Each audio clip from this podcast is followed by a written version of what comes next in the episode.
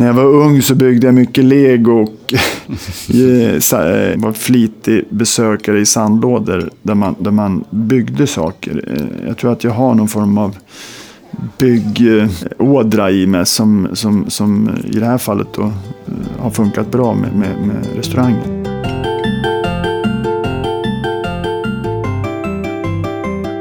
Så var det dags igen för en ny podd.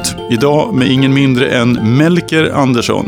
Vi pratar om uppväxten i Forsbacka, hans krogimperium och mycket annat såklart. Vi säger tack till statist.se. Dags för podd nummer 10. Vad åt du till frukost? Jag åt eh, gröt som vanligt. Havregrynsgröt? Mm, ja, havregrynsgröt eh, och juice. Stressad. Mm. Tar väl ungefär två minuter. Gör den i mikron? Ja, mikron. Stabilt, ingen disk. Jag gjorde något eh, fantastiskt med bovete, bovetegröt och sånt. Det är ju jävligt och det är så bra för magen. Okej, okay, men det måste jag prova. Ja, kolla det. För att, Står man så länge på den eller? Ja, och sen är den är så mjuk. Melker Andersson, 52 år, två barn eh, och en sambo. Jag kallar mitt yrke kock, eh, krögare. Vad vill du prata om idag? Ja, jag vet inte. Eh, det är upp till dig vad du vill veta. Då kör vi på här. Mm. Dagsform, hur mår du? Ja, som vanligt eh, hyfsad. Eh, förhoppningsvis lite bättre lite längre fram på, på dagen. Ja, men jag tror att jag har ju, ju äldre jag blir desto mer trögstartad blir jag. Det är väl som en gammal bil tror jag. Vad värderar du högst? Alltså vilket minne genom din karriär skulle du säga värderar du högst? Eh, ja, det är frågan vad man menar med karriär. Om det är kopplat till ett kockyrke då, som jag kanske tror att du, du, du vill, vill veta om mig. Så, eh, annars är det ju självklart, som alla säger, ens barn och eh, familjen. Eh, det är samma för mig. Men, men kockyrket då. Jag tror när jag fick nyckeln till Fredsgatan 12, min första krog. Det var, det var liksom en, en enorm eh, stor grej och en känsla och en glädje framförallt. Att bli krögare för första gången. Och få den friheten och eh, kunna leva ut sina tankar och idéer kring att hur man vill driva en krog på bästa sätt. Jag läser till här. Melker Andersson beskriver sig själv som en extrem tävlingsmänniska. En ständig kamp med två äldre bröder och en tuff uppväxt har format honom till en människa som vill vinna i alla lägen. Känner du igen dig? Känns det så fortfarande? Nej, men jag har nog en strävan att alltid bli bättre och förbättra saker. Det tror jag. Och det kan vara både fantastiskt och eh, väldigt jobbigt. Eh, så att jag tror att jag är mer en sån som skjuter på mig själv och vill utveckla mig och vill utveckla det jag håller på med. Eh, just det där med tävlingar, jag vet inte om jag är okay, jag är fostrad som ung eh, med två bröder att vi skulle tävla i allting från att äta eh, gröten snabbast på morgonen till att eh, ja, vinna fotbollsmatcher eller springa snabbast. Så att, visst har jag någon form av att jämföra mig med andra, att det har varit viktigt, så att säga, det tror jag. Min uppväxt i Forsbacka var, var väl eh, bra. Och, eh, men när vi flyttade dit så hade jag några tuffa år med, med att hitta en balans i, i, i tillvaron. Så att, eh, och det har säkert också påverkat mig att bli lite kanske hårdare och mer fokuserad. Jag tror att mamma gjorde en, en en fisk som hon kallade fina fisken. Eh, och den gillar vi alla i, i vår familj. Eh, och det var en, en jag tror att det var torskfilé med, som var fryst självklart. Det var svårt att få tag i färsk fisk i Forsbacka. Eh, som man då gratinerade med, med någon form av tomatbaserad sås. Eh, och det där ja, men det gillar vi. Och jag tror att jag har med det receptet i en av mina kokböcker faktiskt. Men den där fina fisken, den var, den var, den var god. Min mamma hade kanske inte så höga tankar om vår, vår, vår kunskap till att laga mat hemma. Så att Hon var ganska duktig på att uh, sätta kastrullen på morgonen med vatten och potatis. Eh, det var ju basfödan i Forsbacka. Sen när vi kom hem så, så, så, skulle man sätta på den där kastrullen. Så att det var väl tror jag min första kontakt med, med att laga mat. Eh, eh och den var ju, ja, den var ju både enkel och smidig. Det var svårt att misslyckas även om man kunde koka över potatisen. Då. Men då hade vi väl någon form av timer på 20 minuter. Just gastronomi hade vi nog inga långa diskussioner om eller där, där vi sällan gick på restaurang. Utan jag kommer ihåg när vi åkte och skulle handla i Örebro eh, på Wessels. Så, så jag vet, jag tror jag var sju, åtta år kanske. Så fick vi då, vi bröder, jag och mina bröder, välja vad vi ville äta då. Då var det alltid korv med pommes frites eh, och ketchup. Så att det var väl, det var ju fantastiskt att få äta en sån rätt på restaurang då. Och det var ju självklart jättegott också.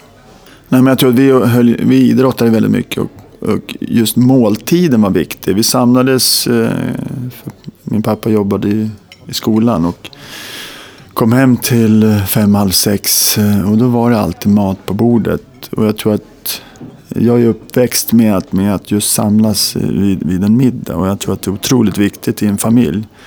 Tyvärr så har inte jag lyckats skapa den rutinen själv. Då. Men, men eh, sen var det mycket bra basmat så att säga, som gjorde att vi var mätta och nöjda då, och kunde idrotta mycket och uh, ha ett aktivt liv. Så att, uh, så det, men det var, det var inte så mycket prat om att uh, om innovativa rätter och gastronomiska upplevelser utan mer att det här skulle vara bra för, för oss att kunna växa och må bra. Som sagt, din pappa jobbade i skolan. Han var ju till och med rektor. Eh, hur tänkte du när du så småningom skulle börja tänka kockyrket? Var det någonting, hade din pappa några synpunkter på vad du skulle välja för yrke eller hur tänkte du? Nej, det låg nog inte som på någon tio topplista att bli kock tror jag. Utan det fanns andra yrken som han tyckte att jag skulle satsa på. Eh, men han tyckte ändå att ja, ett praktiskt jobb där man jobbade med, med eh, min, min, eh, vad ska vi säga, konstnärliga ådra. Och där jag kunde använda min kreativitet.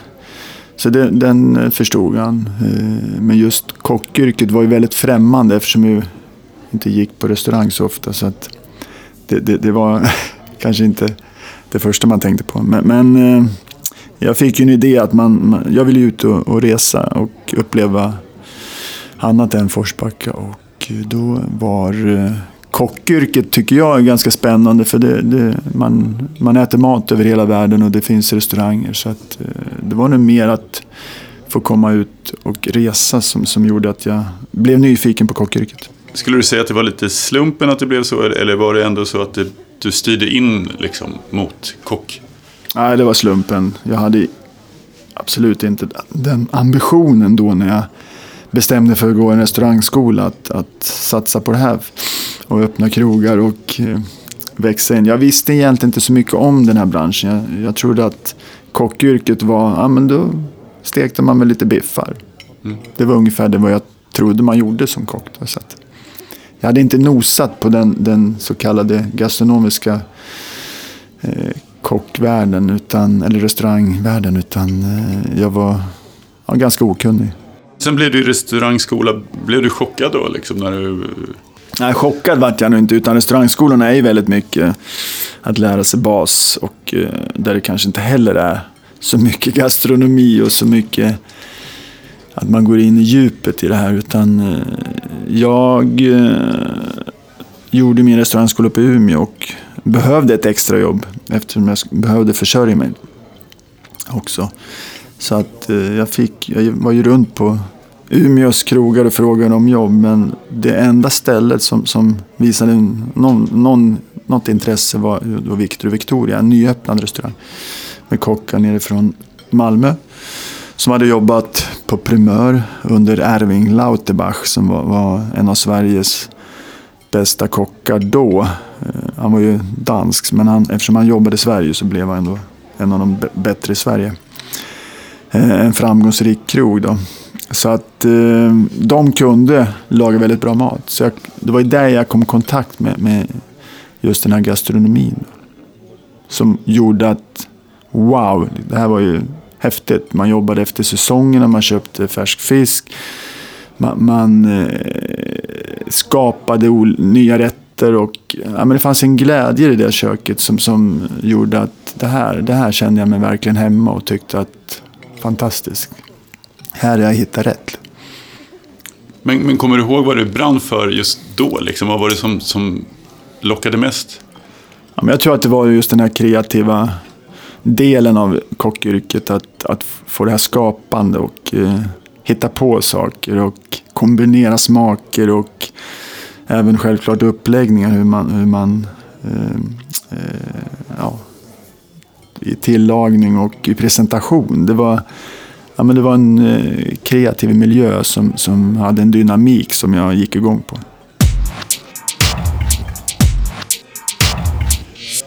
Eh, ja, efter kockskolan så, jag tror att Kenneth Skoglund och Lennart Mårtensson var ju mycket av mina mentorer då under den tiden. Eh, och det var ju de som då drev den här restaurangen uppe i Victor och Victoria uppe i Umeå.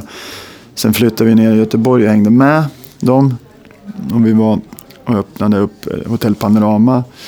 Och sen vidare till Paris med Kenneth. Så att, eh, jag tror att Kenneth var en, en, en vikt, väldigt viktig person som fick mig att, eh, eller visade upp den här gastronomiska eh, världen kring, kring restaurang och kök. Men sen eh, så fortsatte jag då att jobba på andra krogar i, i Frankrike och eh, den sista krogen var ju då den här trestjärniga krogen nere i Mougin som ligger ovanför Cannes. Eh, och det var kanske inte Rocher Verger, han var ju gammal redan då. Mm. det fanns ju en köksmästare som hette Serge Chouret som var min mentor. Och jag kom in väldigt bra där eftersom jag spelade hyfsad tennis och han älskade att spela tennis. Så på eftermiddagarna mellan lunch och kvällspassen så spelade vi lite tennis. Så jag, jag, eh, ja, men det funkade bra mellan han och mig. Så att, eh, han var en viktig person också för mig under det, det året jag var på Moulin Marchand. Och det var ju fantastiskt. Eh, jag var väl kanske 19 år. Att få komma till en av världens bästa restauranger då. Och då var ju Frankrike det stora matlandet och där, man, där, där vi svenskar tittade väldigt mycket på. Eh, och jag gillade hela den miljön som var väldigt... Det var tydligt vad man, vad man skulle prestera och eh, det var ju en ganska stor restaurang med, med uppåt 150-160 gäster. Ganska ovanligt för en trestjärnig då. Men, men eh, en gammal kvarn då som, eh, i den här byn Mougin som, som var väldigt charmig och eh, ja, men en mat som var fantastisk på den tiden. Så att jag hade en, en ja, mitt minne av den Frankrike, mina Frankrike-år var, var, var mycket jobb men också otroligt inspirerande och utvecklande. Då när jag var i Frankrike så hade jag ett tydligt mål att jag skulle bli, försöka bli en duktig kock. Och där, där tror jag ingenting kunde stoppa mig utan jag var väldigt målmedveten och körde hårt. Och jag tror jag körde hårdare än de andra på de här restaurangerna för att jag ville nog visa dem. Jag knöt min, min näve i fickan och jag kommer inte backa.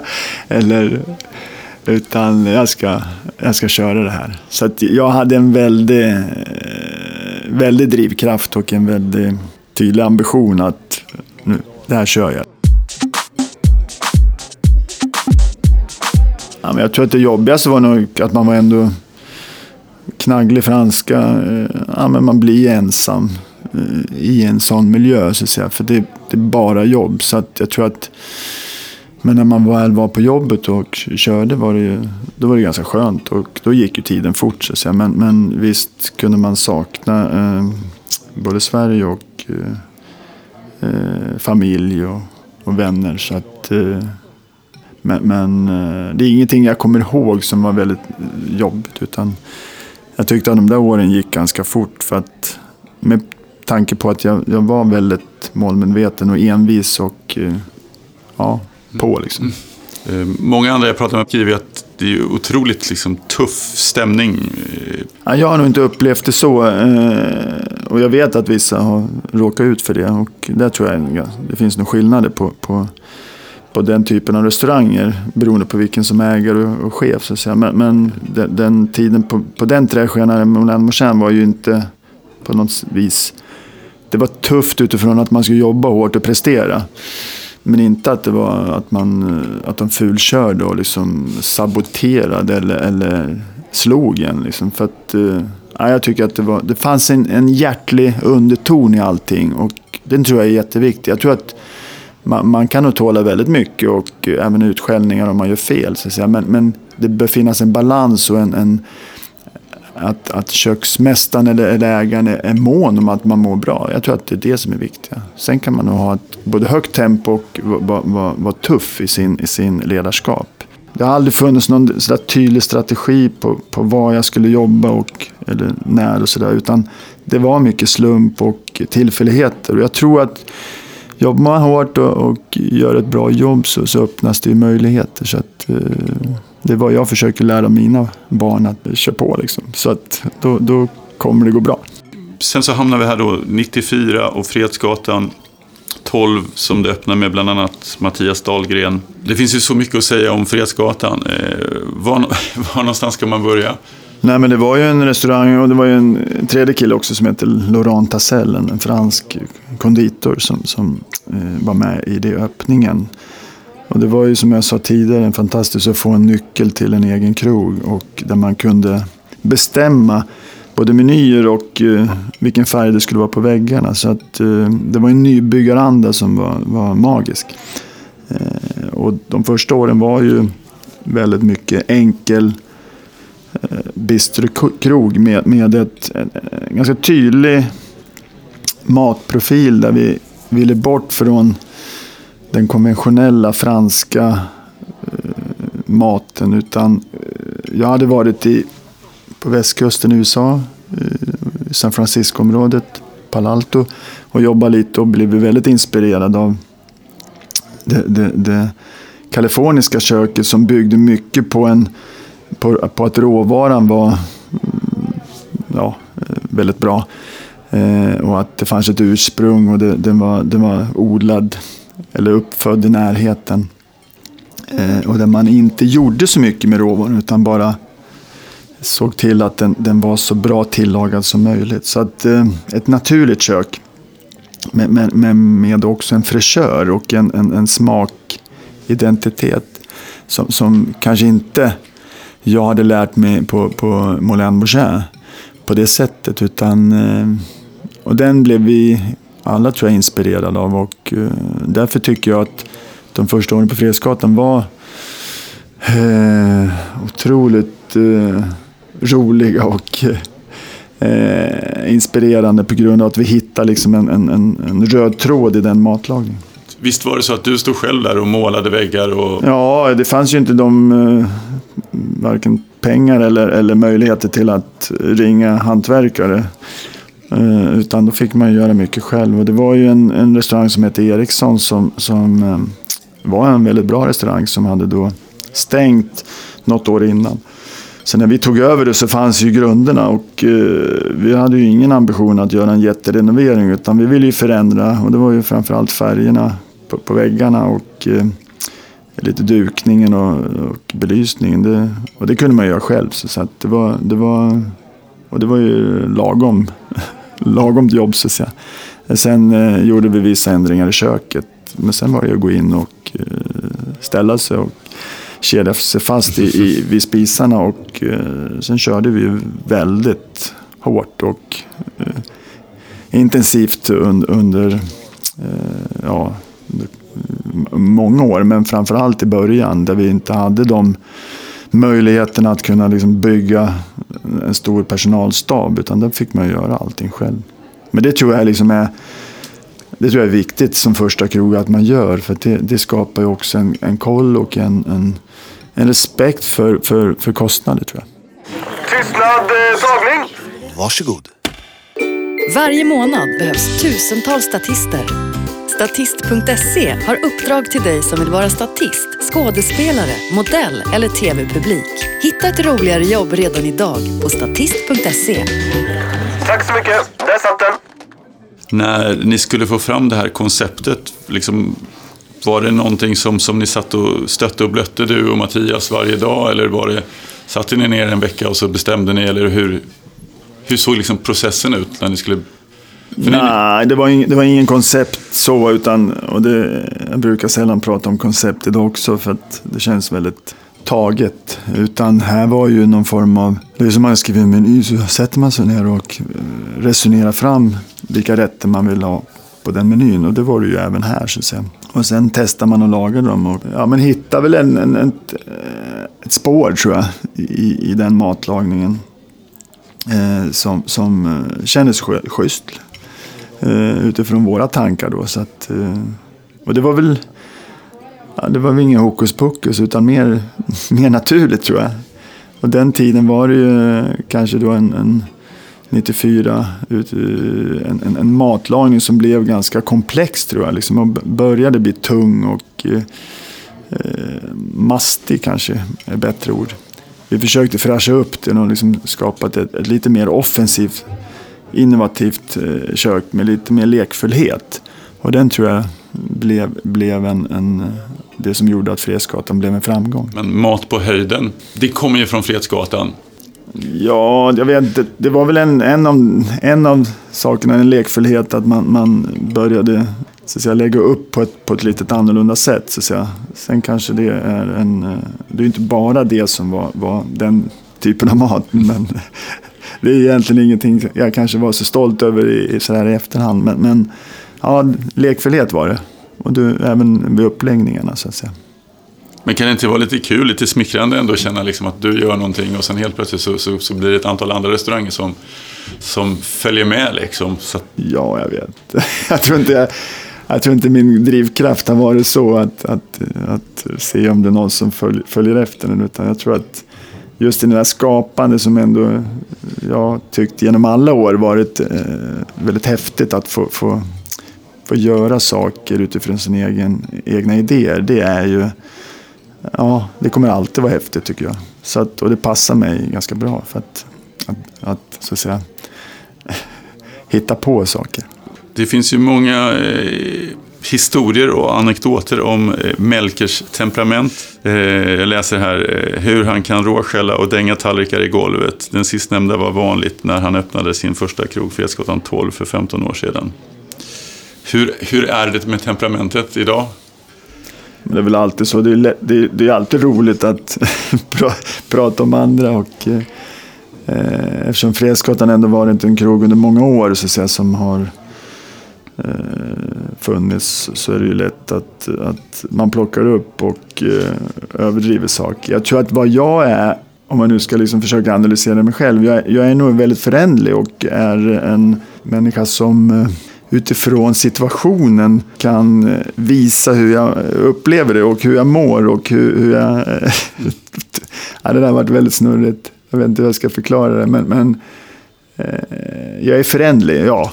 Eh, och jag visar eh, vad jag tycker eh, ganska direkt. Och, eh, och i vissa fall har jag, blir jag arg på grund av att jag tycker att, man, man, man, att det inte blir bra. Men det är ju en, det är en svaghet tror jag att man själv kritiserar sig och eh, inte är nöjd och ger uttryck för någon form av frustration. Så att säga. Så att, eh, jag har aldrig varit nöjd över det. Men det tror jag att jag lever mig in i saker så mycket och har sån vilja att det ska bli bra. Så att där blir jag, ja, jag blir frustrerad och eh, det kan ju ge, ge, ge, se ut som jag då blir väldigt arg och frustrerad. Så att säga. Eh, men jag kan också vara väldigt glad och nöjd eh, i en annan situation ganska snabbt. då. Så att jag, ja, jag är förändlig och visar hur jag mår väldigt ty- på ett tydligt sätt. Så att säga. Men det tror jag är bra, det ska man vara som chef. Det ska inte vara så att man inte känner hur chefen, vad han upplever. Jag tror att eh, jag vill se, om jag har en chef så vill jag se vad som är bra och dåligt. Det, det tror jag är en styrka för en organisation.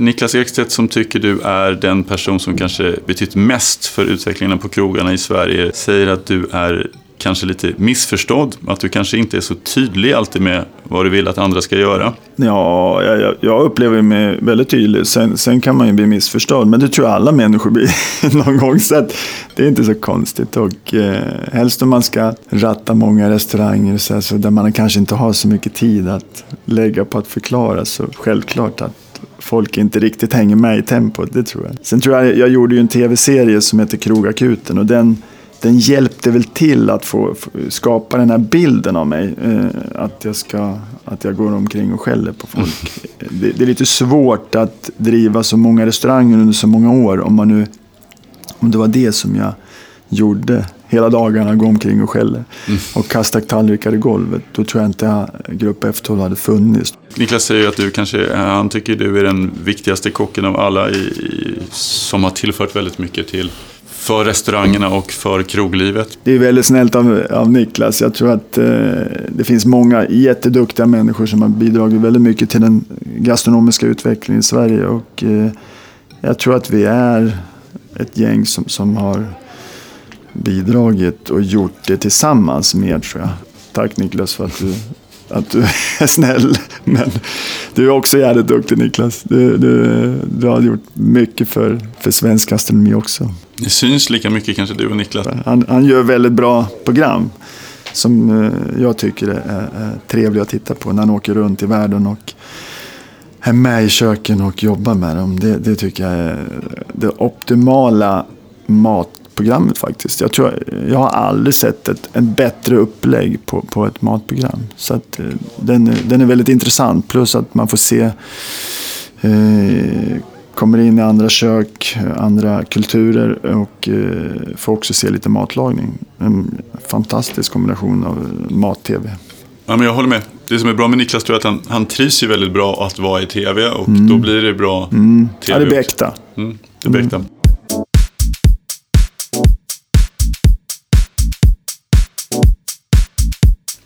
Du får massa priser som chef och innovatör. Du valdes in i Svenska Hall of Fame.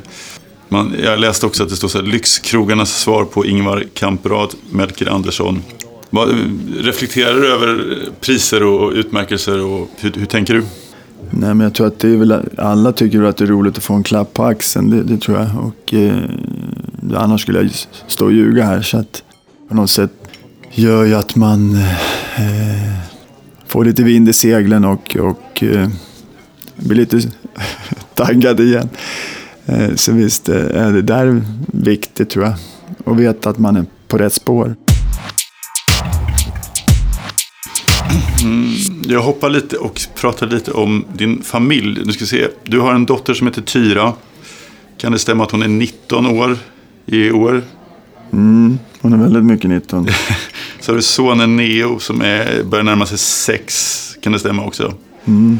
Och sen så har du en särbo eller sambo sa du? Mm. Eller ja, Katarina. Katarina. Eh, Nej, sambo. Sambo är det. Sambo, sambo, sambo. Eh, du är ju ganska rak i intervjuer med att familjen ibland kommer i kläm när du satsar på krogen och så är det väl för alla krögare? Eller Eh, Eh, nej men jag har väl eh, som, som många andra familjer ett lite, lite krokig, en krokig eh, familjesituation. Eller rörig kanske är ett bättre ord. Så att, eh, men jag tycker att eh, ja, mina barn och eh, Katarina är otroligt viktig för mig. Och, så att eh, familjen är, ja, den är, den är nummer ett. Din dotter, vad, vad, tycker ni om, vad gör ni tillsammans liksom, när ni ska ha roligt? Har ni något så här speciellt? Ja, men vi åker mycket skidor, Tyra, Tyra åker alpint och jag åker mycket längd. Men, men vi, kan ju, vi kan åka både längd och alpint tillsammans. Så att, sen blir det hon en ålder där man kanske inte är så, så man är viktig men man, de kanske inte vill hänga med mig så mycket. Så att, eh, men vi kan ha eh, middagar och samtal och Eh, man kan läsa läxor ihop. Och jag tror att det är viktigt att man finns där som, som förälder och stödjer sin, sina barn så mycket som man kan. Så, sen är ju restauranglivet ett, inget jobb utan det är ju ett liv. Det gör ju att det finns en, en problematik i det. Att man, man är man jobbar väldigt mycket och man jobbar på väldigt, ja, olika tider. Både kvällar och dagar och månader. Så att nätter också för den delen. Så det gör det svårt att kunna vara den här, ja, ha den uppväxten och tillsammans med sina föräldrar som jag hade när jag var ung. Där de alltid fanns hemma då, för det mesta. Och stöttade den och eh, hjälpte den. Det, det har ju inte min familj. Ja, men jag hade en ambition för något år sedan att vi skulle ha söndagsmiddag tillsammans. Men, men ja, jag får inte riktigt till det. Men, jag jobbar på det. Har, har dina barn har du någon så här favoritmat så här, när, du, när du vet att nu ska jag göra dem glad? Slänger du ihop, har du någon så här, då slänger jag ihop en... Ja, men de är dåliga beställare, det är nog ett problem. De, de, eh, och sen, eh, både Tyra och Nea är väldigt, och Katarina är väldigt olika i sin, vad de tycker är bra så att säga. Så att, ja, det är lite svårt att få, få alla att vara nöjda. Ja. Känner du, har de, ser du någon framtida kock där hos någon eller kommer de välja andra yrken tror du? Jag tror de kommer att välja andra yrken, det tror jag. De, blir, de har nog skrämts av, av eh, pappas jobb tror jag. Har det varit jätteviktigt för dig? Du har ju startat så väldigt många krogar och så många bra krogar.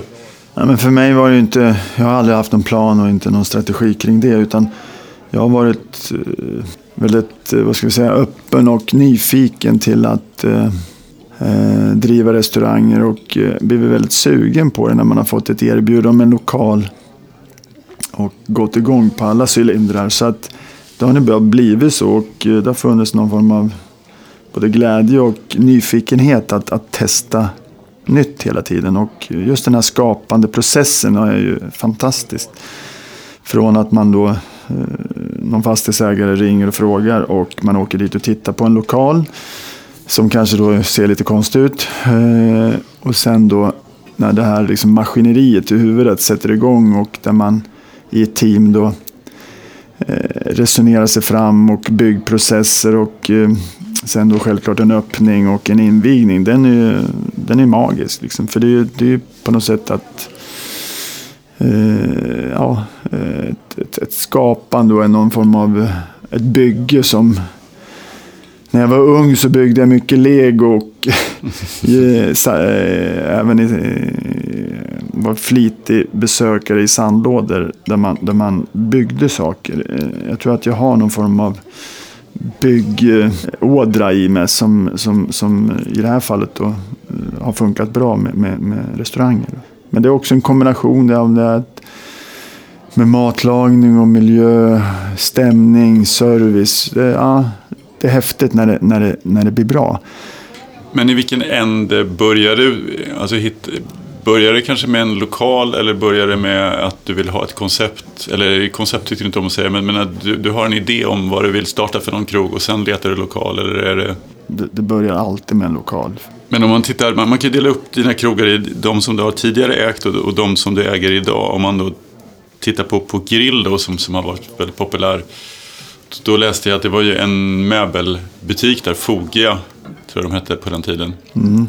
Hur, men hur gick det till? Liksom? Är det så att nå, någon tipsade om den här kanske är någonting för dig och sen så funderar du ut ett koncept utifrån lokalens möjligheter? Eller, eller ja, men i, fall, I fallet Grill så var det att vi hade ett samarbete med Fogia på Fredsgatan. Så att, eh, där vi köpte lite möbler. Sen hade ju de ett showroom på, på Drottninggatan högt upp.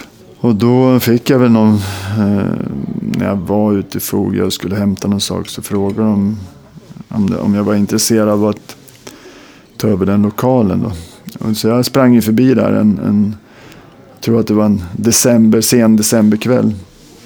Det var mörkt och då hade de ju mm, eh, soffor och fåtöljer i, i de här stora fönstren ut mot gatan, Drottninggatan. Och det såg väldigt mysigt ut och eh, ja, man, var, man, man blev sugen att gå in. Men det var ju stängt då efter några sen. Mm. Och det, ja, men det är nog inte så mycket rocket science över det utan det, det är tillfälligheter och vad det kanske är i den lokalen som styr lite i alla fall. Och sen både läge och eh, för mig har det varit väldigt viktigt och också Daniel som är med har varit med i de här diskussionerna, min kompanjon, att att resonera vad vi själva tycker är kul och vad vi själva tycker är bra. För att det är svårt att öppna någonting eller, eller att skapa någonting som man kanske inte riktigt själv tycker är så bra. Utan det gäller ju, även om marknaden kan tycka att det är fantastiskt, så, så måste man nog själv för att orka det brinna för det och tycka att det här är fantastiskt. Så det har nog varit otroligt viktigt när vi, när vi har gjort våra restauranger. Att ja, men nu är vi sugna på det här. Så säga. Och då är det ju lättare att motivera sig själv att lägga väldigt mycket tid och stå där och och då blir det ju oftast mycket bättre också. Så jag tror att eh, och det är under en 20-årsperiod som det ändå har varit så har, har man ju förändrats. Så att därför är ju krogarna väldigt olika också. För att vi har förändrats och har kanske andra tankar och idéer kring, kring vad som är bra idag än vad det var för 20 år sedan. Så att... Jag kommer ihåg själv när jag var där första gången att just att ni satsade på lite olika typer av möblemang och att det var liksom lite olika sektioner. Det tyckte jag kändes på den tiden var väldigt nytänkande och det hade man väl inte sett tidigare i Stockholm? Nej, nej. Och jag vet inte, jag har nog aldrig, man har nog aldrig tänkt så. Utan jag, jag har oftast tänkt själv, liksom stängt mig in i min, min bubbla och vad, vad man vill göra själv. Så jag, tror att, jag tror att det är farligt att börja titta på vad, vad som finns och inte finns. Utan då är det lätt att man blir bara antingen dåliga kopior eller, eller så, så lyssnar man för mycket på, på jag har aldrig varit fan av sådana marknadsundersökningar kring, kring saker och ting. För att det är lätt att man tappar spåret själv och lyssnar för många. Sådana här referensgrupper där man ska diskutera fram saker, nej, det har inte mm. funkat riktigt. Men eh, om man tittar på, på både dina gamla och nya krogar, men om man fokuserar lite på de gamla då. Ser, de, ser du dem som, inte, som barn är väl svårt att säga, men, men Ger du några lite mer energi och andra lite mindre? Eller liksom, hur förhåller du dig? För det, du hade ju så många krogar. Nej, men det tror jag att eh, visst blir det så att vissa eh, är man ju med mer på och vissa kanske ligger en mer varm om hjärtat. Men när vi sålde för, vår första krog, eh, Villa Gottem, det kändes ju fruktansvärt. Eh, känns jobbigt än idag. för att Nu hade vi inte haft den så länge men det var ändå en Ja, det var en ny upplevelse att, att skiljas från, från en av sina krogar. Det, det var tungt. Liksom. För att man lägger väldigt mycket tid, man är där, man pysslar med den, man, man jobbar i den, man har sina eh, anställda där. Det, det, ja, man, det kopplas väldigt mycket till en själv. Är det någon av dina tidigare restauranger som du inte har kvar som, som, du, tycker, som du vill säga någonting speciellt om? Som, som du tycker är extra intressant. Det finns ju så många att välja på. Trattorian. Ja, Kungsholmen var ju en, en resa på grund av att det var en restaurang som, den hette Kajplats, Kajplats 9 när vi köpte den. Och, eh, var en, en, en ganska nedgången restaurang då. Som, som vi gjorde en, en, en enorm upprustning och eh, där vi hade en, en food court-idé jag har alltid tyckt att de här food courterna, helst på sådana shoppingmål och sådär, de är inte så roliga. Eh, för det blir väldigt plastigt och sådär. Men jag tyckte ändå själva idén med att kunna välja mat från olika stationer är ju ja, ganska trevligt faktiskt. Att, att det finns en tydlighet i, i, i varje eh, del. Så där, där hittar vi på då en, en, att det blev en, en restaurang food court, så att säga. En, en, anpassat till den lokalen. Och det var väl en utmaning att få ihop det. För det skulle ju byggas då x antal kök på, på, på båda de här sidorna. Det var en ganska stor restaurang. Jag kommer ihåg själv när jag stod, när vi hade öppnat, det var väl kanske öppnat den, efter första veckan. Då stod jag, det fanns en, en station som hette Sallad. Och då stod jag där. Och det var ju i maj, fantastiskt väder den sommaren och helst i maj. Och det började rasa in bångar som, och vi hade ganska avancerade sallader med många moment och många, eh, ja, det tog tid att lägga upp dem och göra de där salladerna. Jag har speciella minnen för just för den första, första salladsdagen. Där jag stod i det köket och blev helt ja, översprungen. Eh, men, men man har ju massor med minnen från alla krogar. Så att, eh, men trattorian, var det en till ytan en av de större? Ja, med tanke på att vi också hade en ponton och vi hade eh, senare också ett orangeri. Eh, så, så att den var ju under sommarmånaden väldigt stor, med en stor utservering också. Ibland fick man nypa sig i armen där när det var, det kändes lite som att det var en Kiviks marknad där nere på, på kajen under varma sommarkvällar. Så att säga. Så att, eh, det, var, det var häftigt på grund av att det var, det var en, så otroligt mycket folk.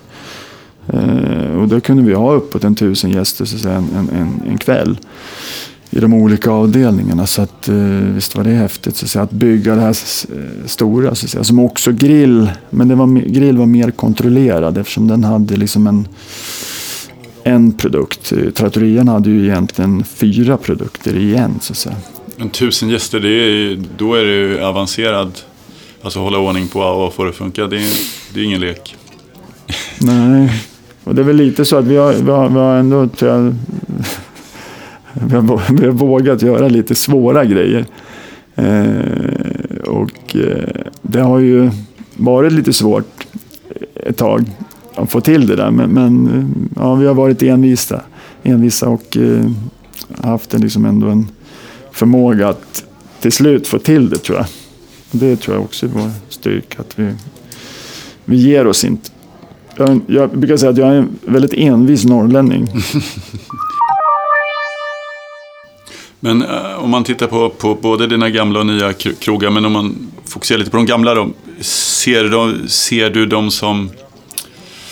Inte, som barn är väl svårt att säga, men, men ger du några lite mer energi och andra lite mindre? Eller liksom, hur förhåller du dig? För det, du hade ju så många krogar. Nej, men det tror jag att eh, visst blir det så att vissa är man ju med mer på och vissa kanske ligger en mer varm om hjärtat. Men när vi sålde för, vår första krog, eh, Villa Gotthem, det kändes ju fruktansvärt. Eh, känns jobbigt än idag. För att, nu hade vi inte haft den så länge, men det var ändå en, ja, det var en ny upplevelse att, att skiljas från, från en av sina krogar. Det, det var tungt. Liksom. För att man lägger väldigt mycket tid, man är där, man pysslar med den, man, man jobbar i den, man har sina eh, anställda där. Det, det, ja, man, det kopplas väldigt mycket till en själv. media igen och tidningar. Eh, Publico till exempel har ju fått jag tror jag, både toppbetyg i tidningarna och lite mittemellan. Kött och fiskbaren åkte det ju på lite eh, en däng från DN där. Det har ingen undkommit. I dagens tidning så läser jag eh, då står det Grupp F12, eh, satsning Kött och fiskbaren. Eh, otillfredsställande, ojämnt, skärpning. Så får du en trea idag. Alltså jag tänker, du, du, du är ju van att få liksom både toppbetyg och, och, och mellanbetyg och all, alla möjliga varianter. Hur, hur, hur tänker du när du läser en recension? Läser du den och, och så, så, lyssnar du om du tycker att den är befogad? Eller hur, hur förhåller du till recensioner? Jag brukar citera en, en, en god vän som, som ändå gjorde jämförelse med lite med, med, med andra kulturella branscher där man, där man recenserar på, på ett helt annat sätt. Just det där med mat är väldigt att, att eh, recensera en opera kanske man inte gör på vilket sätt som helst. Men, men en krog kan man ju göra. Ja, det finns ju liksom ingen regelverk kring hur man recenserar det. Men, men så är det Jag tror att jag är nog för gammal för att liksom bli upprörd över det. Utan det är ju någonting vi lever med. Och, eh, ibland går det bra, ibland går det mindre bra. Och eh, jag är nog den första att säga att nej, men jag kommer aldrig kunna säga att allting är bra på mina krogar. Utan men det viktigaste tycker jag, för både mig själv och för, för, för gästerna, att vi försöker göra det så bra som möjligt och vi satsar varje dag. Vi, vi, vi är måna om våra gäster och eh, jag vet, vi, kan ju bara, vi kan ju bara vara det. Sen, sen tror jag också i vår bransch är det ju lätt också att eh, göra egna bedömningar vad man tycker är bra och dåligt beroende på vad det är för typ av restaurang. Och där, där blir det nog svårt för, för många recensenter att skilja på, på just eh, man kan ju ha en favoritmat, man kan ha en favorit typ av restaurang. Kanske lite mer enkelt och ja. Så jag tror att det är svårt att recensera krogar på ett, på ett rättvist sätt. Det tror jag. Man, man kanske också har en, en, en, bild av en förväntan och den, är, den tror jag är kanske det svåraste. Att går man till en krog och har en, en högre förväntan på grund av orsaker än att man kommer till en krog som man aldrig hört talas om som recensent. Då och blir lite överraskad så, så självklart så, så blir det en, en, helt, en helt annan bedömning på det. För, för det är alltid förväntan som, som styr ens, ens, eh, om man är nöjd eller om man är, är eh, missnöjd. Du ska få berätta det här Good Life. Eh, det är ju i Stockholm nu, alltså vi har ju kanske Urban Deli som satsar stort på Sveavägen. Man märker att Åhléns här har satsat på Salle Voltaire och nu kommer eh, Paolo Roberto dit och gör en stor pizzeria. Men är det en utveckling som vi ser liksom, med food courts och, och, och Den stora grejen där är ju att både jag och Daniel, vi klarar inte eh, av att äta på ett sätt som man har kanske gjort under många år. Utan vi behöver ha en, en för att må bra då, en, en, en bättre balanserad kost. Och det var ju liksom eh, grundidén att, att eh, från början var ju det som var den, den starten till, till det här. För att vi vill själv kunna gå på en restaurang som, som, som där rätterna är då balanserade på ett, på ett annat sätt än vad man kanske som kock gör. Man, man, jag tror de flesta kockar tänker väldigt mycket smak, självklart. Man tänker mycket lite, lite innovativt. Man ska vill hitta, vill hitta på något nytt, skapa, kombinera råvaror, konsistenser och också att det ser, ser, ser tilltalande ut. Det är man ganska duktig på, alla kockar i världen. Så att säga. Men sällan att man tänker utifrån en, en, en, en att den här rätten ska vara en, en bensin för ens eh, välmående. Och hitta den optimala balansen i, rätten. Eh, men i det här fallet ska vi göra det så att det, det blir gastronomi av det och att det, det, det smakar gott så att säga. Så att det inte blir bara nördigt och nyttigt. Därför har vi lämnat ut den, eh, just att det, det ska vara någon hälsorestaurang. Utan det är, en, det är en plats där man ska känna sig trygg. Och allt som, som serveras är rätt balanserat i, och eh, ska, ska självklart smaka gott också. Tänkte prata om tv-program, Kockarnas kamp, Let's Dance, Morgonsoffer, Laga mat i tv, Krogakuten, Matakuten. Hur är ditt förhållande till tv? Mm, ja, nej men jag har ju under ett antal år varit, varit med i olika program och jag, nej men jag kan tycka att det har varit lite ett, en ny värld och har ju varit intressant. Och, ja, men jag är ju lite nyfiken så det har funnits eh, eh, Sen är det väl jag tror att i en, en restaurangbransch där man ändå är beroende av gäster och så, så tror jag att det, det är en del av att, eh, och har blivit det för många kockar, eh, att, att också vara synlig och eh, vara publik. För att det skapar ju självklart också i en förlängning gäster till restaurangerna. Så att jag tror att det är en del i, en, i ett, ett paket att vara krögare. Och det skiljer sig nog väldigt mycket från hur det var för, för 20-30 år sedan kanske. Idag ingår det att jobba medialt och, eh, och inte bara stå på, på sin krog att, eh, och laga mat i ett kök. Utan jag tror att Sen finns det ju andra saker som ingår också i, men, men just den här media, och det behöver inte bara vara tv, det kan ju vara reportage i tidningar och, eh, stå och prata till en podd. Eh, så jag tror att det, det är en, en salig blandning tror jag. Men, men eh, ja, jag har gjort några tv-grejer och eh, vissa har varit jättekul, vissa har varit mindre roligt. För att mm, man vet ju, jag har ändå lärt mig lite vad som man passar till då, och inte passar till. Så att, Vad du ska tacka ja till och nej till nästa Ja. gång. Jag ska spela upp ett litet klipp från Johan Jureskog på restaurang AG som har fått ställa en fråga till dig. Vi drack lite vin på kvällarna, vi hade mysigt. Han drack cola. Han dricker inte, han njuter inte. Vem är han? Vem, vem, vem liksom, vad är, vad är njuta för honom? Det är svårt. Kan du få fram det? Det skulle jag lyssna på då kan jag säga.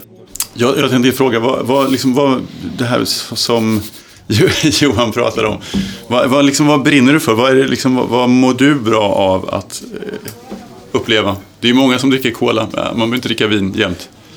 Nej, men jag är nog, jag, jag kan ju dricka vin, det är inte så. så att säga. Sen, jag tror att jag är nog, eh, ja, jag skiljer mig nog lite från Johan.